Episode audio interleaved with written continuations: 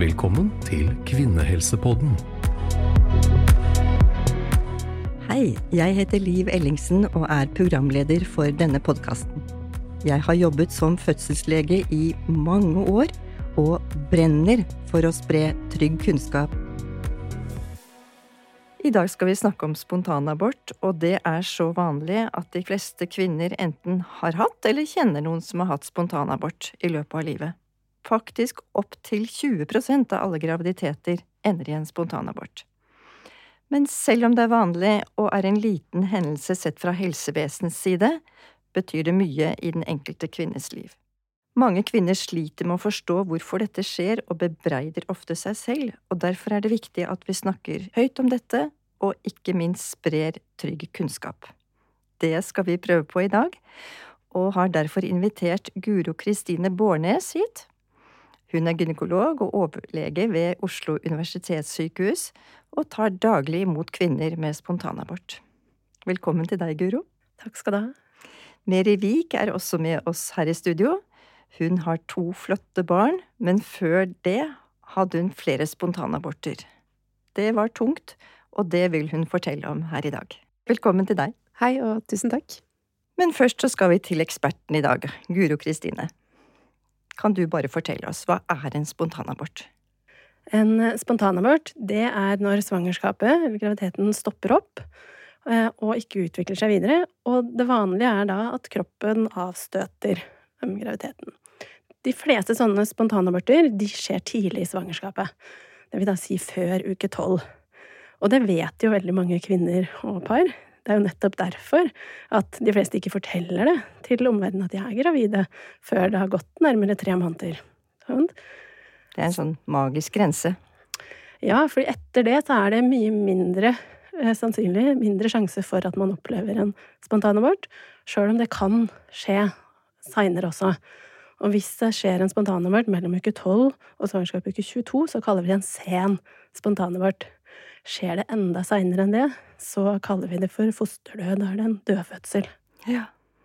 Så vi har forskjellige inndelinger i dette. Men vi skal snakke mest om de tidlige spontanabortene i dag. De som skjer før uke tolv. Ja, og det er de som er vanlige. Og som du sa, så er dette veldig vanlig i løpet av et liv så er det omtrent opp mot en tredjedel av kvinner som vil oppleve en eller flere spontanaborter. Og det blir vanligere jo eldre man er. Hvis man er under 30 år, så er man omtrent 10% risiko for en spontanabort. Er man over 45, så har man over 50% nesten 55% sannsynlighet for at den graviditeten ender i en spontanabort. Så alder er en viktig sånn risikofaktor, som man kaller det. Det er nok den viktigste risikofaktoren vi har. Ja. ja. Er det bare mors alder? Har det med fars alder også? Før så har man trodd at det bare er mors alder, og det er definitivt mors alder som er den viktigste delen av dette. Men i de seinere åra så ser man at fars alder har også noe å si inni dette, men hvor stor del av det, det vet vi ikke ennå. Men det å prøve å få barna sine når man er ung, det er jo en gammel kunnskap som vi har tatt fram igjen. Ja, og det er jo en fordel på mange andre områder inn i graviditeten. Ikke bare når det gjelder spontanabort. Men så tilbake til eh, Hvis vi snakker om sånne risikofaktorer, da. Du sa alder var det viktigste. Har du noen andre faktorer som er, kan påvirke eh, ja. i hvilken grad man kan eh, abortere? Det er varierende hvor mye det påvirker, og den, som da er den viktigste, men også hvis man er overvektig, eller hvis man er veldig undervektig, kan det påvirke risikoen. Alkohol, røyk. Så er det mer eh, sånn anatomiske ting, hvordan livmor ser ut, og hvordan Det er jo ikke noe man kan få gjort noe med selv, men det kan påvirke. Hvis mor har en sykdom, for eksempel lavt stoffskifte, diabetes, så kan det påvirke, og det er viktig at de er godt regulert. Og så er det med hva man har opplevd da tidligere. Eh, historikk gynekologisk eller i svangerskap. Har man hatt spontanabort tidligere? Har man født for tidlig? Har man gjennomgått keisersnitt? Så vil alle de tingene også kunne være med å øke risikoen for en spontanabort på nytt. Så når du snakker nå, så høres det jo ut som vi kan påvirke det veldig, men det er kanskje ikke helt tilfellet? Nei, de fleste av disse tingene kan man jo ikke påvirke i veldig stor grad. Hvis man først har opplevd en spontanabort, så har man jo den alderen man har. Det kan man ikke få gjort noe med der og da. Eh, og så er disse andre faktorene noe som ikke påvirker i like stor grad. Men det er en fordel om man klarer å gå litt ned i vekt. Selvfølgelig en fordel om man klarer å slutte å drikke alkohol og røyke i svangerskapet. Men de påvirker ikke i like stor grad. For det vet vi at kvinner har veldig lett for. Det er å gå i seg selv og tenke hva kunne jeg gjort annerledes? Hva, hva, hva kan være min skyld i dette? Og dette er ikke noe som man har påført seg selv. Ikke sant? Det vi vet, er at grunnen til spontanabort den er veldig sammensatt. Og vi vet at det er en god del vi ikke vet hvorfor det skjer. Men hvis man ser på de forskningsstudiene som er på tidlig, så er veldig mange av de fostrene de har det man kaller for en kromosomavvik. At det har skjedd en feil i delingen. Når disse cellene har delt seg, så har arvematerialet delt seg på en måte som ikke er gunstig, og som da kan lede til at det fosteret ikke er levedyktig. Ja, da blir det jo rett og slett naturens måte å få fram friske barn på. Ja, og det er ikke noe man på noen måte kan gjøre noe med selv. Så det å ta det veldig med ro, er det mange som tenker sykemelde seg. Hva sier du om det? Det enkle svaret er nei. Det hjelper ikke. Det er ikke sånn at man kan ligge seg bort fra å oppleve en spontanabort.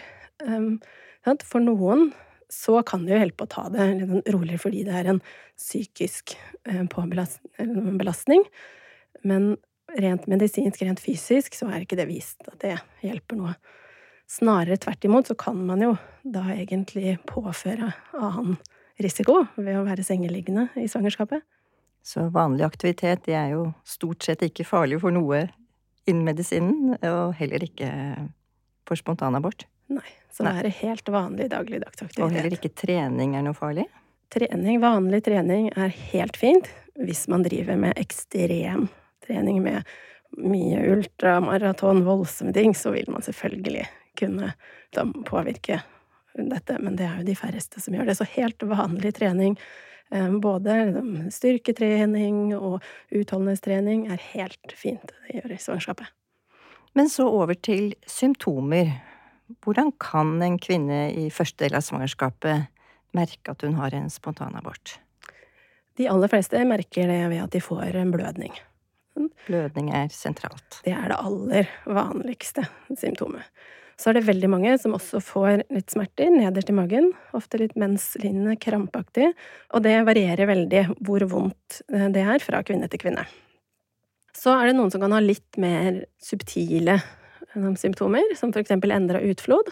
Mm. Så er det noen som merker at de symptomene man hadde på de tegnene på at man var gravid, blir plutselig borte. Ja, sånn brystbreng og kanskje noen får veldig tidlig vondt i bekkenet. Det ja. kan forsvinne. Ja, eller eksempel at kvalmen blir veldig redusert. Så noen merker det kun ved det. Og så er det noen som ikke merker noe symptomer i det hele tatt. Noen får ikke blødning. Og da er vi over på noe som heter mist abortion. Og hvordan kan man finne ut det, da, hvis eh, det ikke merker noe blødning? For det første så er mist abortion eh, mye mindre vanlig enn en spontanabort hvor man får blødning. Mist abortion det er omtrent én til to, kanskje i noen studier opptil fem prosent av svangerskap, så det er langt mindre um, vanlig. Så omtrent en ti prosent av spontanabortene omtrent er mist abortion. Det vanlige er at det oppdager man på en ultralyd. Enten da en rutineultralyd, som man kommer til i uke 11, 12 eller 13, eller at man oppdager det fordi man har vært til en ultralyd tidligere i svangerskapet. Og nå har jo alle rett på tidlig ultralyd, så nå vil det kanskje bli oppdaget tidligere for mange? Ja, man har jo sett flere av disse som da kanskje, før man fikk tidlig ultralyd, ville gått helt til ultralydundersøkelsen i uke 18 før man oppdaga.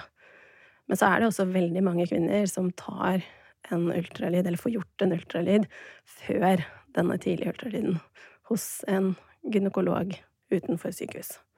Og da fanger man opp dette med mist abortion ved at man enten ser at svangerskapet ikke har utvikla seg så langt som man forventer i forhold til menstruasjon, eller at man ser et foster hvor det ikke er hjerteaksjon lenger. Og hvis man da mistenker at man har en spontanabort, eksempel at man får en blødning, hva vil du si at en kvinne skal gjøre da? Ja. Jeg vil si at det avhenger grann av hvor store plager man har, men jeg tenker at alle skal ta kontakt med helsevesenet. Men hvor raskt man skal gjøre det, det vil avhenge litt av hva slags plager man har. Har man moderate plager, eh, og med da moderate blødninger og ikke veldig sterke smerter, så kan man fint ta kontakt med fastlegen eller gynekolog utenfor sykehus. Opplever man det f.eks. på ettermiddagen, så kan man fint vente til neste dag for å ta kontakt. Har man derimot veldig sterke smerter, eller veldig kraftige blødninger hvor man blør voldsomt, da bør man ta kontakt med helsevesenet raskere. Da bør man henvise f.eks. legevakt. Så, så, det vi kaller primærhelsetjenesten er det første man går til? Man det det kontakter først. vanligvis ikke direkte sykehuset for dette? Nei, man tar først kontakt med primærhelsetjenesten, så vil de vurdere hvem er det som trenger å komme direkte inn på sykehus, og hvem trenger ikke det. Men hvis man mistenker en spontanabort, så vil jeg anbefale de aller fleste bør få gjort en ultralyd, hvor vi ser at det er um, et svangerskap inni livmora, og om dette er normalt eller ikke. Det er faktisk noe som blør uten at det er spontanabort også? Ja, og det er veldig ganske så vanlig å ha en blødning tidlig i svangerskapet. Jo tidligere det er, eh, og hvis det er liten blødning, så er det veldig vanlig, og det er ikke sånn at alle de leder til en spontanabort. Hvis det er sånn at man har gjort en ultralyd hvor man har sett et foster med hjerteaktivitet, og seinere da opplever en blødning, så er det faktisk 90% sjanse for at det ikke blir en spontanabort. Så, så de fleste, jo... jo lenger man har kommet, så går det bra. Blir beroliget av det. Mm. Samtidig så er det viktig å si at den ultralydundersøkelsen man gjør, det er et øyeblikksbilde. At vi ser da hvordan det står til med det fosteret akkurat da, men vi kan ikke alltid si hvordan dette vil gå. Så vi kan absolutt berolige, og for de fleste går det bra. Men det å oppleve en blødning tidlig i svangerskapet, det er også en øvelse i det å leve med usikkerhet. Som kan være veldig vanskelig. Som jo et svangerskap er, på mange måter. Ja. Mm.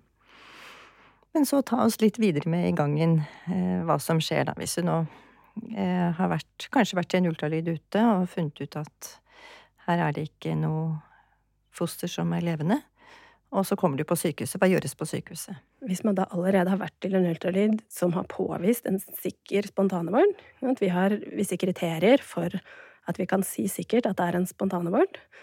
Fordi av og til kan det være vanskelig å si er dette fordi svangerskapet har kommet så kort, eller er det fordi aborten har kommet et stykke på vei. Så hender det at vi også må gjøre ultralydundersøkelse på nytt. At man må vente én til to uker og gjøre en ny undersøkelse. Men hvis man har fått påvist en spontanabort, så er det også i samråd med den kvinnen hva, som vi avgjør hvordan vi skal gjøre dette videre. Hvis man har en blødning og ellers ganske moderate symptomer, så anbefaler vi egentlig å vente. Å vente i en til to uker og se og la kroppen få lov til å ordne opp selv. Og det kan være vanskelig? Det kan være veldig vanskelig. Den følelsen av at man ikke gjør noe, og den ventetida kan oppleves utrolig lang. Da kan man velge å starte med medisinsk behandling. At man da får tabletter som setter i gang og hjelper kroppen til å få det ut. Eller så kan man gjøre kirurgisk abort, en utskrapning. Ja, Og da må man legges inn, og det gjøres på sykehus? Det gjøres på sykehus. Da får man narkose, og er ut som regel samme dagen. Så det er en kortere prosess. Men vi anbefaler jo i utgangspunktet medisinsk abort fordi det ikke er noe fordel å ha inngrep inne i livmoren. Men dette er noe som vi avgjør sammen med den kvinnen som vi har foran oss. Og noen har medisinsk abort hjemme, og noen har det på sykehus. Hvordan er reglene der? Ja, det følger stort sett de samme reglene og anbefalingene som det man har hvis man har en provosert abort. Så hvis man har kommet kortere enn uke ni, så kan man gjøre dette hjemme. Hvis det er sånn at man opplever at dette er fryktelig vanskelig og usikkert å gjøre hjemme, så kan man også få gjort det på sykehus før uke ni. Det gjør vi en individuell vurdering på. Er man kommet lenger enn uke ni, så anbefaler vi at man blir på sykehus. Så er det mange som lurer på sykemelding. Hvor lenge skal de være sykemeldt etter en abort, enten det er kirurgisk eller medisinsk? Ja, det varierer veldig. Det er ikke sånn at vi automatisk anbefaler noen lang sykemelding. Veldig mange tar én til to dager egenmelding, og det er ikke medisinsk, rent fysisk, noe grunn til å skulle være sykemeldt lenger enn det. Men for veldig mange så er jo dette en psykisk og følelsesmessig stor påkjenning som gjør at man vil trenge og bør ha en sykemelding i noe lengre tid. Da gjør man ofte det i forbindelse og i samråd med fastlegen. For hvor lenge kan man blø etter en sånn abort? Man kan blø, sier ofte omtrent en fire uker. Noen blør veldig mye kortere enn det, og noen kan blø litt lenger. Men da man skal ha avtagende blødninger. Man skal gradvis bli mindre og mindre. Og så er det viktig at man etter en fire ukers tid eller litt mer tar en graviditetstest. Og det er en sikkerhet for å se at alt har kommet ut, og at man ikke har noen rester igjen som burde bli fjernet. Og det får du informasjon om på sykehuset, så dette får du retningslinjer på når du er på sykehuset? Det skal man få informasjon om, både muntlig og skriftlig. Er det noen komplikasjoner etter en sånn abort? De fleste har ingen komplikasjoner. For de fleste så går dette veldig fint i den forstand at kroppen eh, rydder opp, og alt kommer ut. Men som sagt, noen kan ha rester som er igjen, og at man da kanskje trenger en utskrapning likevel. Så kan noen ha større blødninger. Og det er jo mer på disse rent medisinske, fysiske eh, komplikasjonene.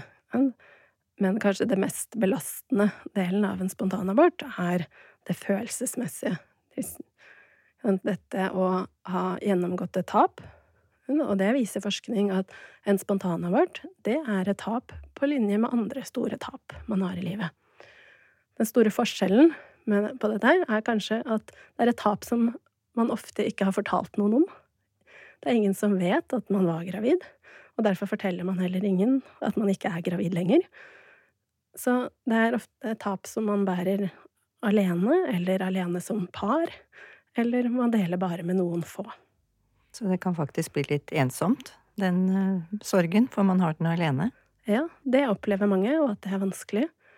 Og det er også vanlig å oppleve liksom, symptomer på både angst og depresjon i etterkant.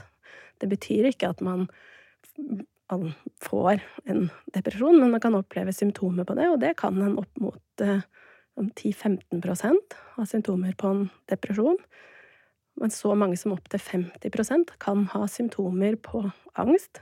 Det kan ligne litt på symptomer man har ved PTSD. Det betyr ikke at man har PTSD, men man kan gjenoppleve den følelsen av tap, man kan ha mareritt, man kan unngå situasjoner hvor man blir påminnet det. For eksempel er det veldig vanlig å unngå andre venner, familie som er gravide, når man har vært gjennom noe sånt. Det fine er at for de aller, aller, aller fleste så går disse symptomene gradvis bort, og vanligvis i løpet av de første tre til fire månedene. Det er jo et tankekors dette her at det er så vanlig, og at man samtidig snakker kanskje så for lite om det med andre, da. Ja, det er jo veldig synd, og at det føles som det du nevnte innledningsvis, at dette er noe man føler skam, og føler at jeg burde ha gjort noe annerledes, og det, sånn er det jo ikke.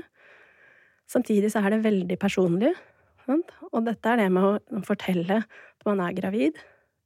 Da må man også kanskje fortelle når det ikke går bra, og det er, kan oppleves vanskelig å inkludere alle i den sorgen også. Så derfor velger man kanskje å ikke si det også for å beskytte seg selv, og kunne velge hvem vil jeg fortelle dette til, og når. Men jeg tror det er veldig, veldig viktig at noen, eller at alle har noen, som de snakker med. Ja. Mange tenker på å bli gravid igjen. Det er vel ofte det som står i hodet. Hvor lenge må man vente? Er det sånn at man må vente tre måneder før man kan prøve å bli gravid igjen? Nei, det korte svaret er egentlig at kroppen blir gravid på nytt når den er klar for det. Man trenger ikke vente. Men vi anbefaler at man har en vanlig menstruasjon før. Og da er det jo også fordi da vet man når den menstruasjonen er i forhold til termin, og man vet at man da har kvitta seg med, hvis det skulle være noen rester, og har rukket å ta en negativ graviditetstest. Men ellers er det ikke sånn at man har noen større sjanse for en ny spontanabort hvis det har gått kort tid siden man hadde den forrige spontanaborten. Og får man noe ekstra oppfølging når man da blir gravid igjen? Ligger det liksom inne at man får noe ekstra ultralyd eller noe? Det er ikke noe rutinemessig oppfølging på sykehus etter at man har gjennomgått en spontanabort. Det betyr ikke at man ikke kan få noen oppfølging, og de fleste har en fastlege som følger dem gjennom livet og gjennom graviditeter, som er en veldig god samtalepartner, og som kan hjelpe dem videre, eventuelt henvise til en ultralyd hos gynekolog utenfor sykehus. Ja. Og så er det sånn at det er ikke vanlig, men det er noen som opplever flere spontanaborter.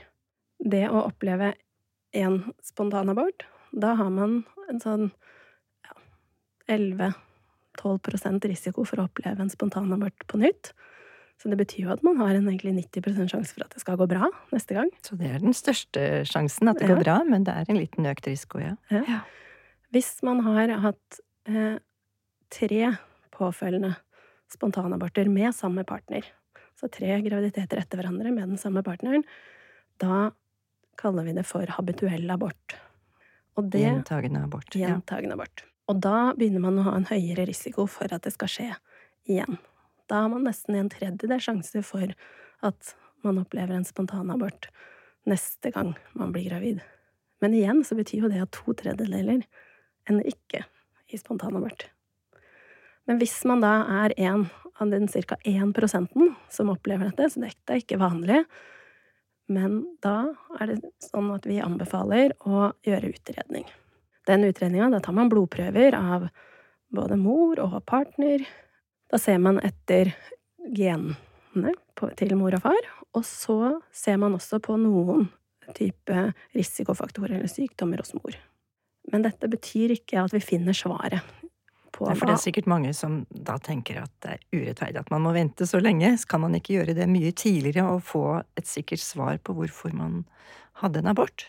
Ja, det skjønner jeg veldig godt at man lurer på, og at man veldig gjerne vil vite med en gang. Men det vanlige er jo at det går bra neste gang, og det å oppleve én spontanabort, det er veldig vanlig. Og av de så er det veldig få som vil oppleve en ny spontanabort, og enda færre som opplever tre spontanaborter. Så når man har opplevd tre spontanaborter, så begynner det å bli mindre sannsynlig at det bare er tilfeldigheter som gjør det. Så derfor venter vi til man er i en gruppe hvor det er mindre sannsynlig at her er det bare tilfeldighetene som gjør det. Og så er det vel ikke alltid at man får noe svar, selv om man blir utredet for såkalt habituell abort, heller? Det vanlige er dessverre at ikke vi finner noe svar, og at det svaret kan være noe som vi kan gjøre noe med. Det er noen ganger vi kan gjøre noe for å forebygge det, og da er det veldig fint, men for de aller fleste så vil en sånn utredning ikke kunne endre noe på forløpet videre, dessverre. Og da skal vi over til deg, Meri.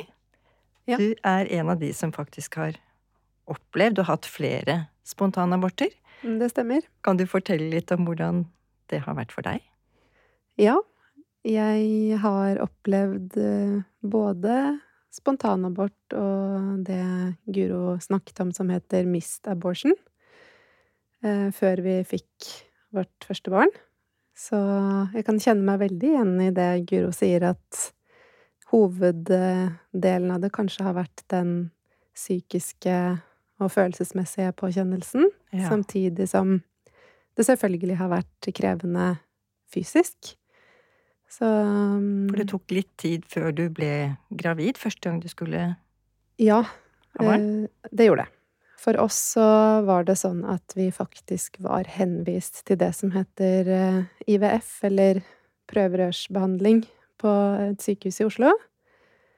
Eh, og i den tiden vi sto på venteliste for å få denne behandlingen, så ble jeg gravid med litt hjelp av en sånn hormon en hormonbehandling to ganger og mistet begge de gangene. Og da var jo forventningene veldig store? Og de var veldig store. Og det var nok også mye det at vi hadde prøvd i ganske lang tid. over et år, da, som er regelen eller retningslinjene for når man skal få eh, hjelp på sykehus. Så vi hadde veldig høye forventninger da jeg ble gravid første gang. Så skuffelsen var nok kanskje enda større enn hvis jeg hadde blitt gravid litt tidligere i det forløpet. Og likevel så var vi jo positive da jeg ble gravid gang nummer to, fordi vi selvfølgelig hadde gjort litt research selv og sett at sannsynligheten for at det skulle gå bra, var stor. Og så gikk det jo da ikke bra gang nummer to for vår del heller.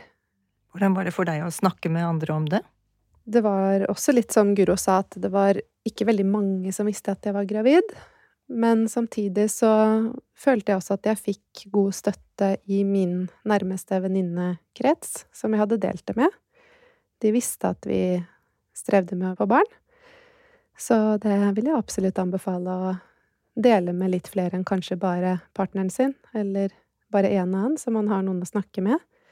Da viste det seg jo at det ikke bare var vi som sto i det, og det var jo en fin ting å kjenne på, egentlig, at jeg ikke var så alene. For det er man jo ikke. Er man ikke, nei. Som vi har snakket litt om nå, eller som dere snakket litt om. Men det var absolutt veldig tungt, og for min del så var det viktig å bli møtt. Både på det følelsesmessige planet, da, i tillegg til det fysiske. Men du hadde da har hatt um, en del kontakt med sykehus i forbindelse med dette. Det kan du si noe om hvordan du syns sykehusoppfølgingen var? Jeg er ikke bare positiv. Det, skal det må jeg innrømme. Eh, samtidig som jeg også føler at jeg har blitt møtt på veldig fine måter i helsevesenet. Vi eh, opplevde jo, eller jeg opplevde jo to ganger å spontanabortere hjemme helt uten at jeg trengte å få noen tabletter eh, for at det skulle skje. Men hadde da tatt blodprøve og sett at jeg hadde ikke helt tilfredsstillende nivåer, da, av det hormonet som skal øke. Det Eh, snakket vi ikke om, Guro, men det går også an å ta blodprøver for å se på svangerskapshormon. mm, Ja, og det kan jo gi oss en god indikasjon på for eksempel en spontanabort. Men fordi vi vet jo hva som forventes av normal stigning av dette svangerskapshormonet. Ja. Og hvis det ikke følger en normal kurve, eller hvis det blir, går ned, så er det et tegn på spontanabort. Ja. Det bruker vi ofte som tilleggsinformasjon til ultralyd. Men noen steder så kan man også bruke det for eventuelt avgjøre om man skal inn til ultralyd hvis man bor et sted som er lenger fra sykehus, for Ja. eksempel. Så eh, de to første gangene var det det som skjedde. Mm. Eh, Og selve spontanabortene foregikk hjemme, og det var jo veldig Som en veldig kraftig menstruasjon. Sterke smerter og Du hadde mye vondt. hadde mye vondt, og, men hadde fått god informasjon om smertelindring. Opplevde kanskje ikke at jeg hadde fått helt nok informasjon, men det tror jeg allerede i dag er litt bedre enn da vi opplevde dette for snart fem år siden. Seks år siden. Fem, ja. Så, og så opplevde vi da etter det også en sånn mist abortion. Ja. Mm, som kanskje var på mange måter mer dramatisk for meg personlig enn de to forrige, da. På hvilken måte da? Da hadde vi var vi på kontroll eh, på sykehuset, siden den tredje graviditeten var påfølgende prøverørsbehandling på kontroll, og da fikk vi jo se at ikke det var helt tilfredsstillende vekst, da, som Guro påpekte her, på ultralyd, eh, og at vi måtte komme tilbake for å se om den eh, undersøkelsen stemte, og da tror jeg vi måtte vente en uke. Mm. Og Det er nok den tøffeste uken i mitt liv til Mm. nå, Mm. på det sånn personlige planet følelsesmessig, fordi det føltes litt ut som å gå og vente på eh, veldig dårlige nyheter. Jeg hadde en dårlig følelse, og mistet også da symptomene jeg hadde hatt i løpet av den uken, og skjønte jo at det bar mot en ny spontanabort.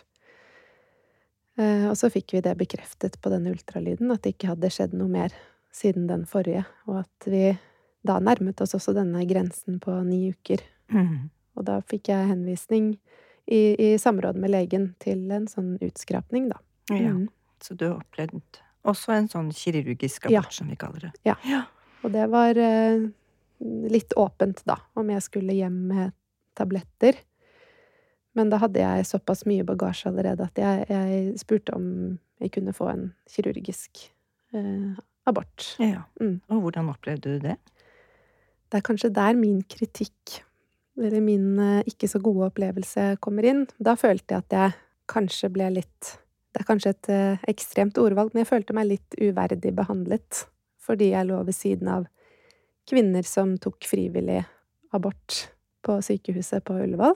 Som jeg tenker at praktisk sett selvfølgelig er sånn, men eh, det var ikke så lett å ligge der ved siden av noen som selv valgte å fjerne et svangerskap, som jeg veldig, veldig gjerne ønsket. Mm. Og jeg er sterk tilhenger av frivillig abort, men samtidig så var det følelsesmessig litt eh, Det var veldig vanskelig. Ja, det er lett å sette seg inn i. Ja. Kan du si noe om det, Guro? Dette er din arbeidsplass. Ja, eh, det syns jo vi også. At det kan være veldig utfordrende, og vi skulle selvfølgelig gjerne ønske at vi hadde mulighet til å skille det, dette. Ja. Man er på følelsesmessig helt ulike steder Ja. når man har valgt dette frivillig, eller når man ufrivillig har Mm. blitt påført. Samtidig er det også sånn at vi har den, de rommene og det vi har. Vi prøver å skjerme så godt vi kan, men kanskje er vi ikke gode nok til å forklare, fortelle hvorfor det er sånn, gi informasjon, og kanskje forberede på at dessverre så er det sånn at man kan oppleve å havne i en situasjon hvor det er andre som gjør dette frivillig ved siden av en nabosenga. Da kan man kanskje ha tenkt gjennom det litt og vite at ok, det må jeg forberede meg litt på. Mm. Og det er jo Samtidig som det skjedde, så møtte jeg jo veldig dyktige mennesker. Som tok meg imot på en god måte. Ja. Eh, Så det er jo en dobbelt opplevelse. Jeg opplevde å møte veldig fine mennesker på, på klinikken som ivaretok meg, og hørte på meg da jeg sa at dette var tøft. Og det er veldig hyggelig og fint å høre. Vi eh, blir også prega av dette her, Ja. sjøl om dette er hverdagen vår, og vi opplever mange, mange hver uke. Mm. Sant? Så er det jo noe med å oppleve og se, møte mennesker i en sånn sårbar situasjon. Mm. Og vi er også mange eh, helsepersonell og kvinner som jobber i helsevesenet, som har vært gjennom dette selv. Jeg har opplevd to miste barsen. Mm. Og det er jo sånn, det er vanlig, og det vil si at det også er vanlig ikke miste barsen, men spontanabort. Men det at det er vanlig i resten av befolkningen, betyr også at det er vanlig blant oss som hjelper dere som har gått gjennom det. Ja. Eh, Og det kan jo av og til også være utfordrende for oss. sant? At vi har med vår egen bagasje inn i dette, som kan både være en styrke og av og til en utfordring å møte den. Fordi det er ingen som opplever dette likt. Nei. Det er jo godt å vite også, tenker jeg, da, for andre som kanskje skal inn i den situasjonen, da. Og noe jeg kanskje ikke hadde tenkt så mye gjennom da, men som jeg tror det er viktig å huske på hvis du som lytter, da, er i den situasjonen, at du snakker kanskje med noen som har erfaring selv. Og det er egentlig godt for meg å høre også, at du, du Ikke at jeg unner noen det, men at man er faktisk flere sammen om det også. Ja, og det er vanlig, og jeg tenker at hvis ikke vi som gynekologer tør å snakke om dette og være åpne, så kan vi jo heller ikke forvente at alle andre skal være det. Nei. Men vi vet hvor vanlig dette er, og vi vet også hvor belastende det kan være. Mm. Men Meri, du fikk altså to fine barn. Hvordan, Kan du si noe om hvordan du Om eller om du syns at eh, spontanaborten din påvirket svangerskapet ditt? Og det gjorde det til veldig stor grad. Ja. Veldig stor grad. Nå snakket Guro litt om dette med PTSD og angst og depresjon. Jeg følte det. PTSD, hvis ikke alle vet det, så er det posttraumatisk Ja. stressyndrom. Det treffer meg jo veldig. Jeg hadde et eh, veldig tungt svangerskap da jeg gikk mitt fullendte svangerskap med første barn. Og, og var sykemeldt store deler av det svangerskapet fordi at jeg ikke fungerte. Jeg Var veldig engstelig og redd, og også sikker på at jeg selv ved å gjøre det ene og det andre kanskje kunne påvirke svangerskapet i negativ retning. Selv om jeg logisk visste at det ikke stemte, så tok det følelsesmessig meg ganske over. Og hadde det egentlig sånn til lenge etter fødsel også. At jeg ikke hadde det helt Følte meg ikke trygg i Trygg og var redd for at det skulle skje noe med barnet mitt også etter fødsel. Fordi at jeg gikk og ventet litt på den neste ulykken. Og det er dessverre veldig vanlig. Ja. Det kan jo også være en trøst i det, at det er veldig vanlig.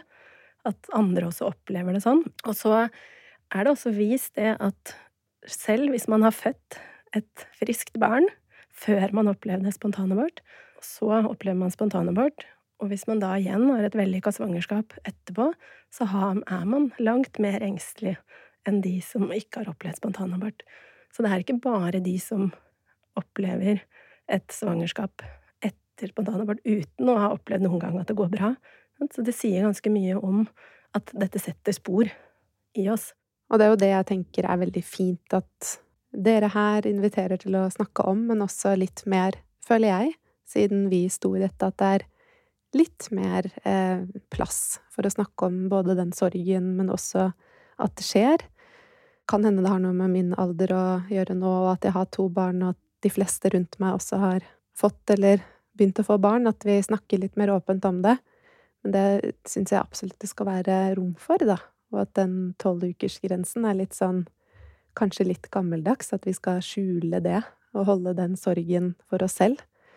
Eller den engstelsen Så eller litt mer åpenhet eh, litt tidligere i svangerskapet. Mange syns kanskje det er vanskelig å gi støtte i den situasjonen, da. Hvis du skulle gi råd til noen som skulle støtte deg ut fra din situasjon, hva ville du si da? Det kunne jeg nok snakket veldig lenge om, men eh, hvis jeg skulle gitt noen veldig konkrete råd, så er det vel å prøve å lytte heller enn å komme med råd. For det opplevde jeg som det vanskeligste, at mange kunne si ting som såret, når de kanskje prøvde å eh, trøste. Eh, som at ja, ja, men det var vel ikke meningen, eller ja, ja, det er kroppen går bra kroppens neste gang? det går nok bra neste gang, eller ja, ja, det er naturens måte å rydde opp på. Det kan oppleves litt veldig sånn ja, det er det fysiske i det, men det å si det, det høres tungt ut, Å bare møte personen som står i det, på følelsene sine, det tror jeg er det viktigste rådet. Så rett og slett bare lytte og støtte. Det enkle Ja. prinsippet. Mm. Til slutt, har du noe du vil spørre Guro om? Ja, eh, du nevnte i stad at eh, vi begynner å Eller at det har begynt å bli litt mer sånn anerkjent at mannen kan ha noe i Noe å gjøre med dette her. Eh, og litt også det at vi kanskje ikke kan gjøre så mye utover å følge normale helseråd. For jeg husker jo selv at jeg ble veldig opphengt i alt dette med hva kan jeg gjøre og ikke gjøre for å trygge dette svangerskapet? Eh, Det er jo veldig mange, både på sosiale medier og andre steder, som prøver å leve av, eller lever av å selge råd og dietter og det ene og det andre. Og jeg er litt sånn bekymret for at mange tenker at de må gjøre alle disse tiltakene. Men så sier jo du her at nei, det, det viktigste er på en måte å leve et sunt og normalt liv.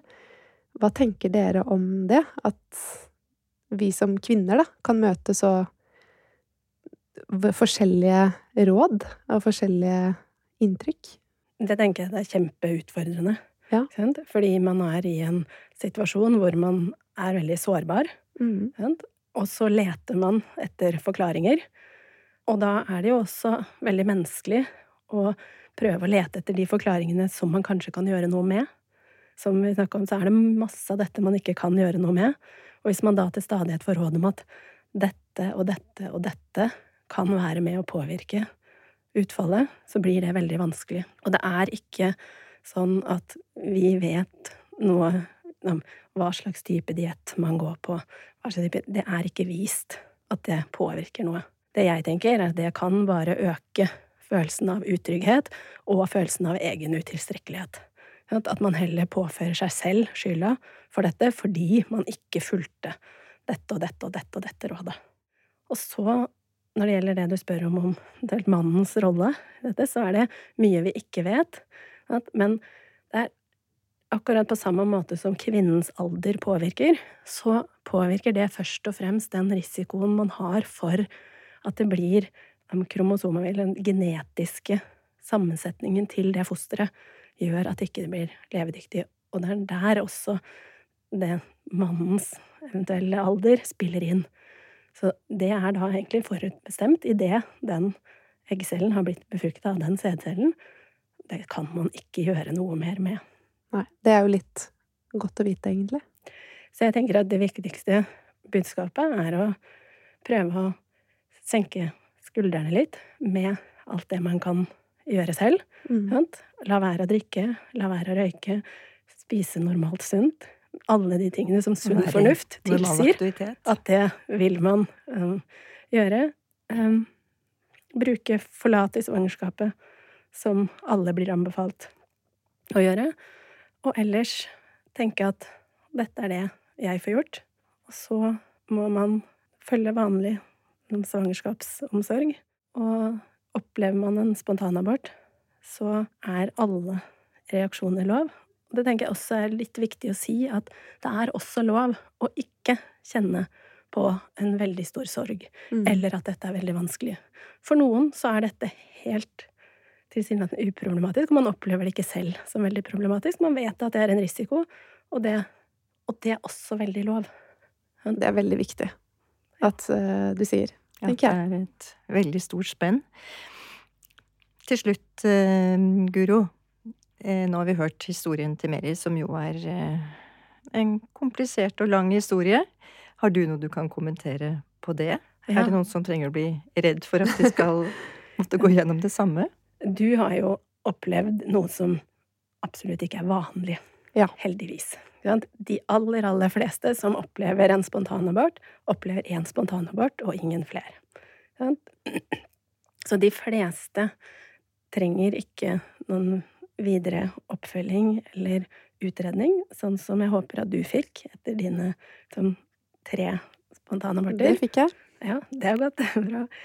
Så den beste rådet, og kanskje tryggheten man kan gi, sjøl om det kan være en fattig trøst akkurat i den situasjonen man sitter i da, er at selv om man har opplevd én spontanabort, to spontanaborter, tre spontanaborter, så er sjansen for at det skal gå bra i neste svangerskap, høyere enn sjansen for at ikke det skal gå bra.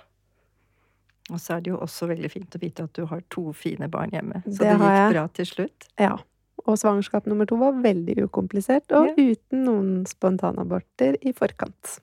Det var godt å høre, og det var egentlig en fin avslutning. Så tusen takk til Guro og Meri som har vært med her i dag. Jeg håper dere er blitt litt klokere om dette litt vonde temaet.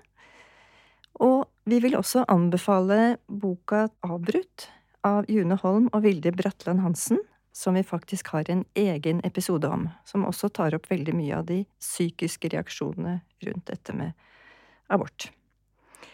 Så gi oss ris og ros på vår Instagram-konto Kvinnehelsepodden. Takk for i dag. Tusen takk. Takk for at vi fikk komme.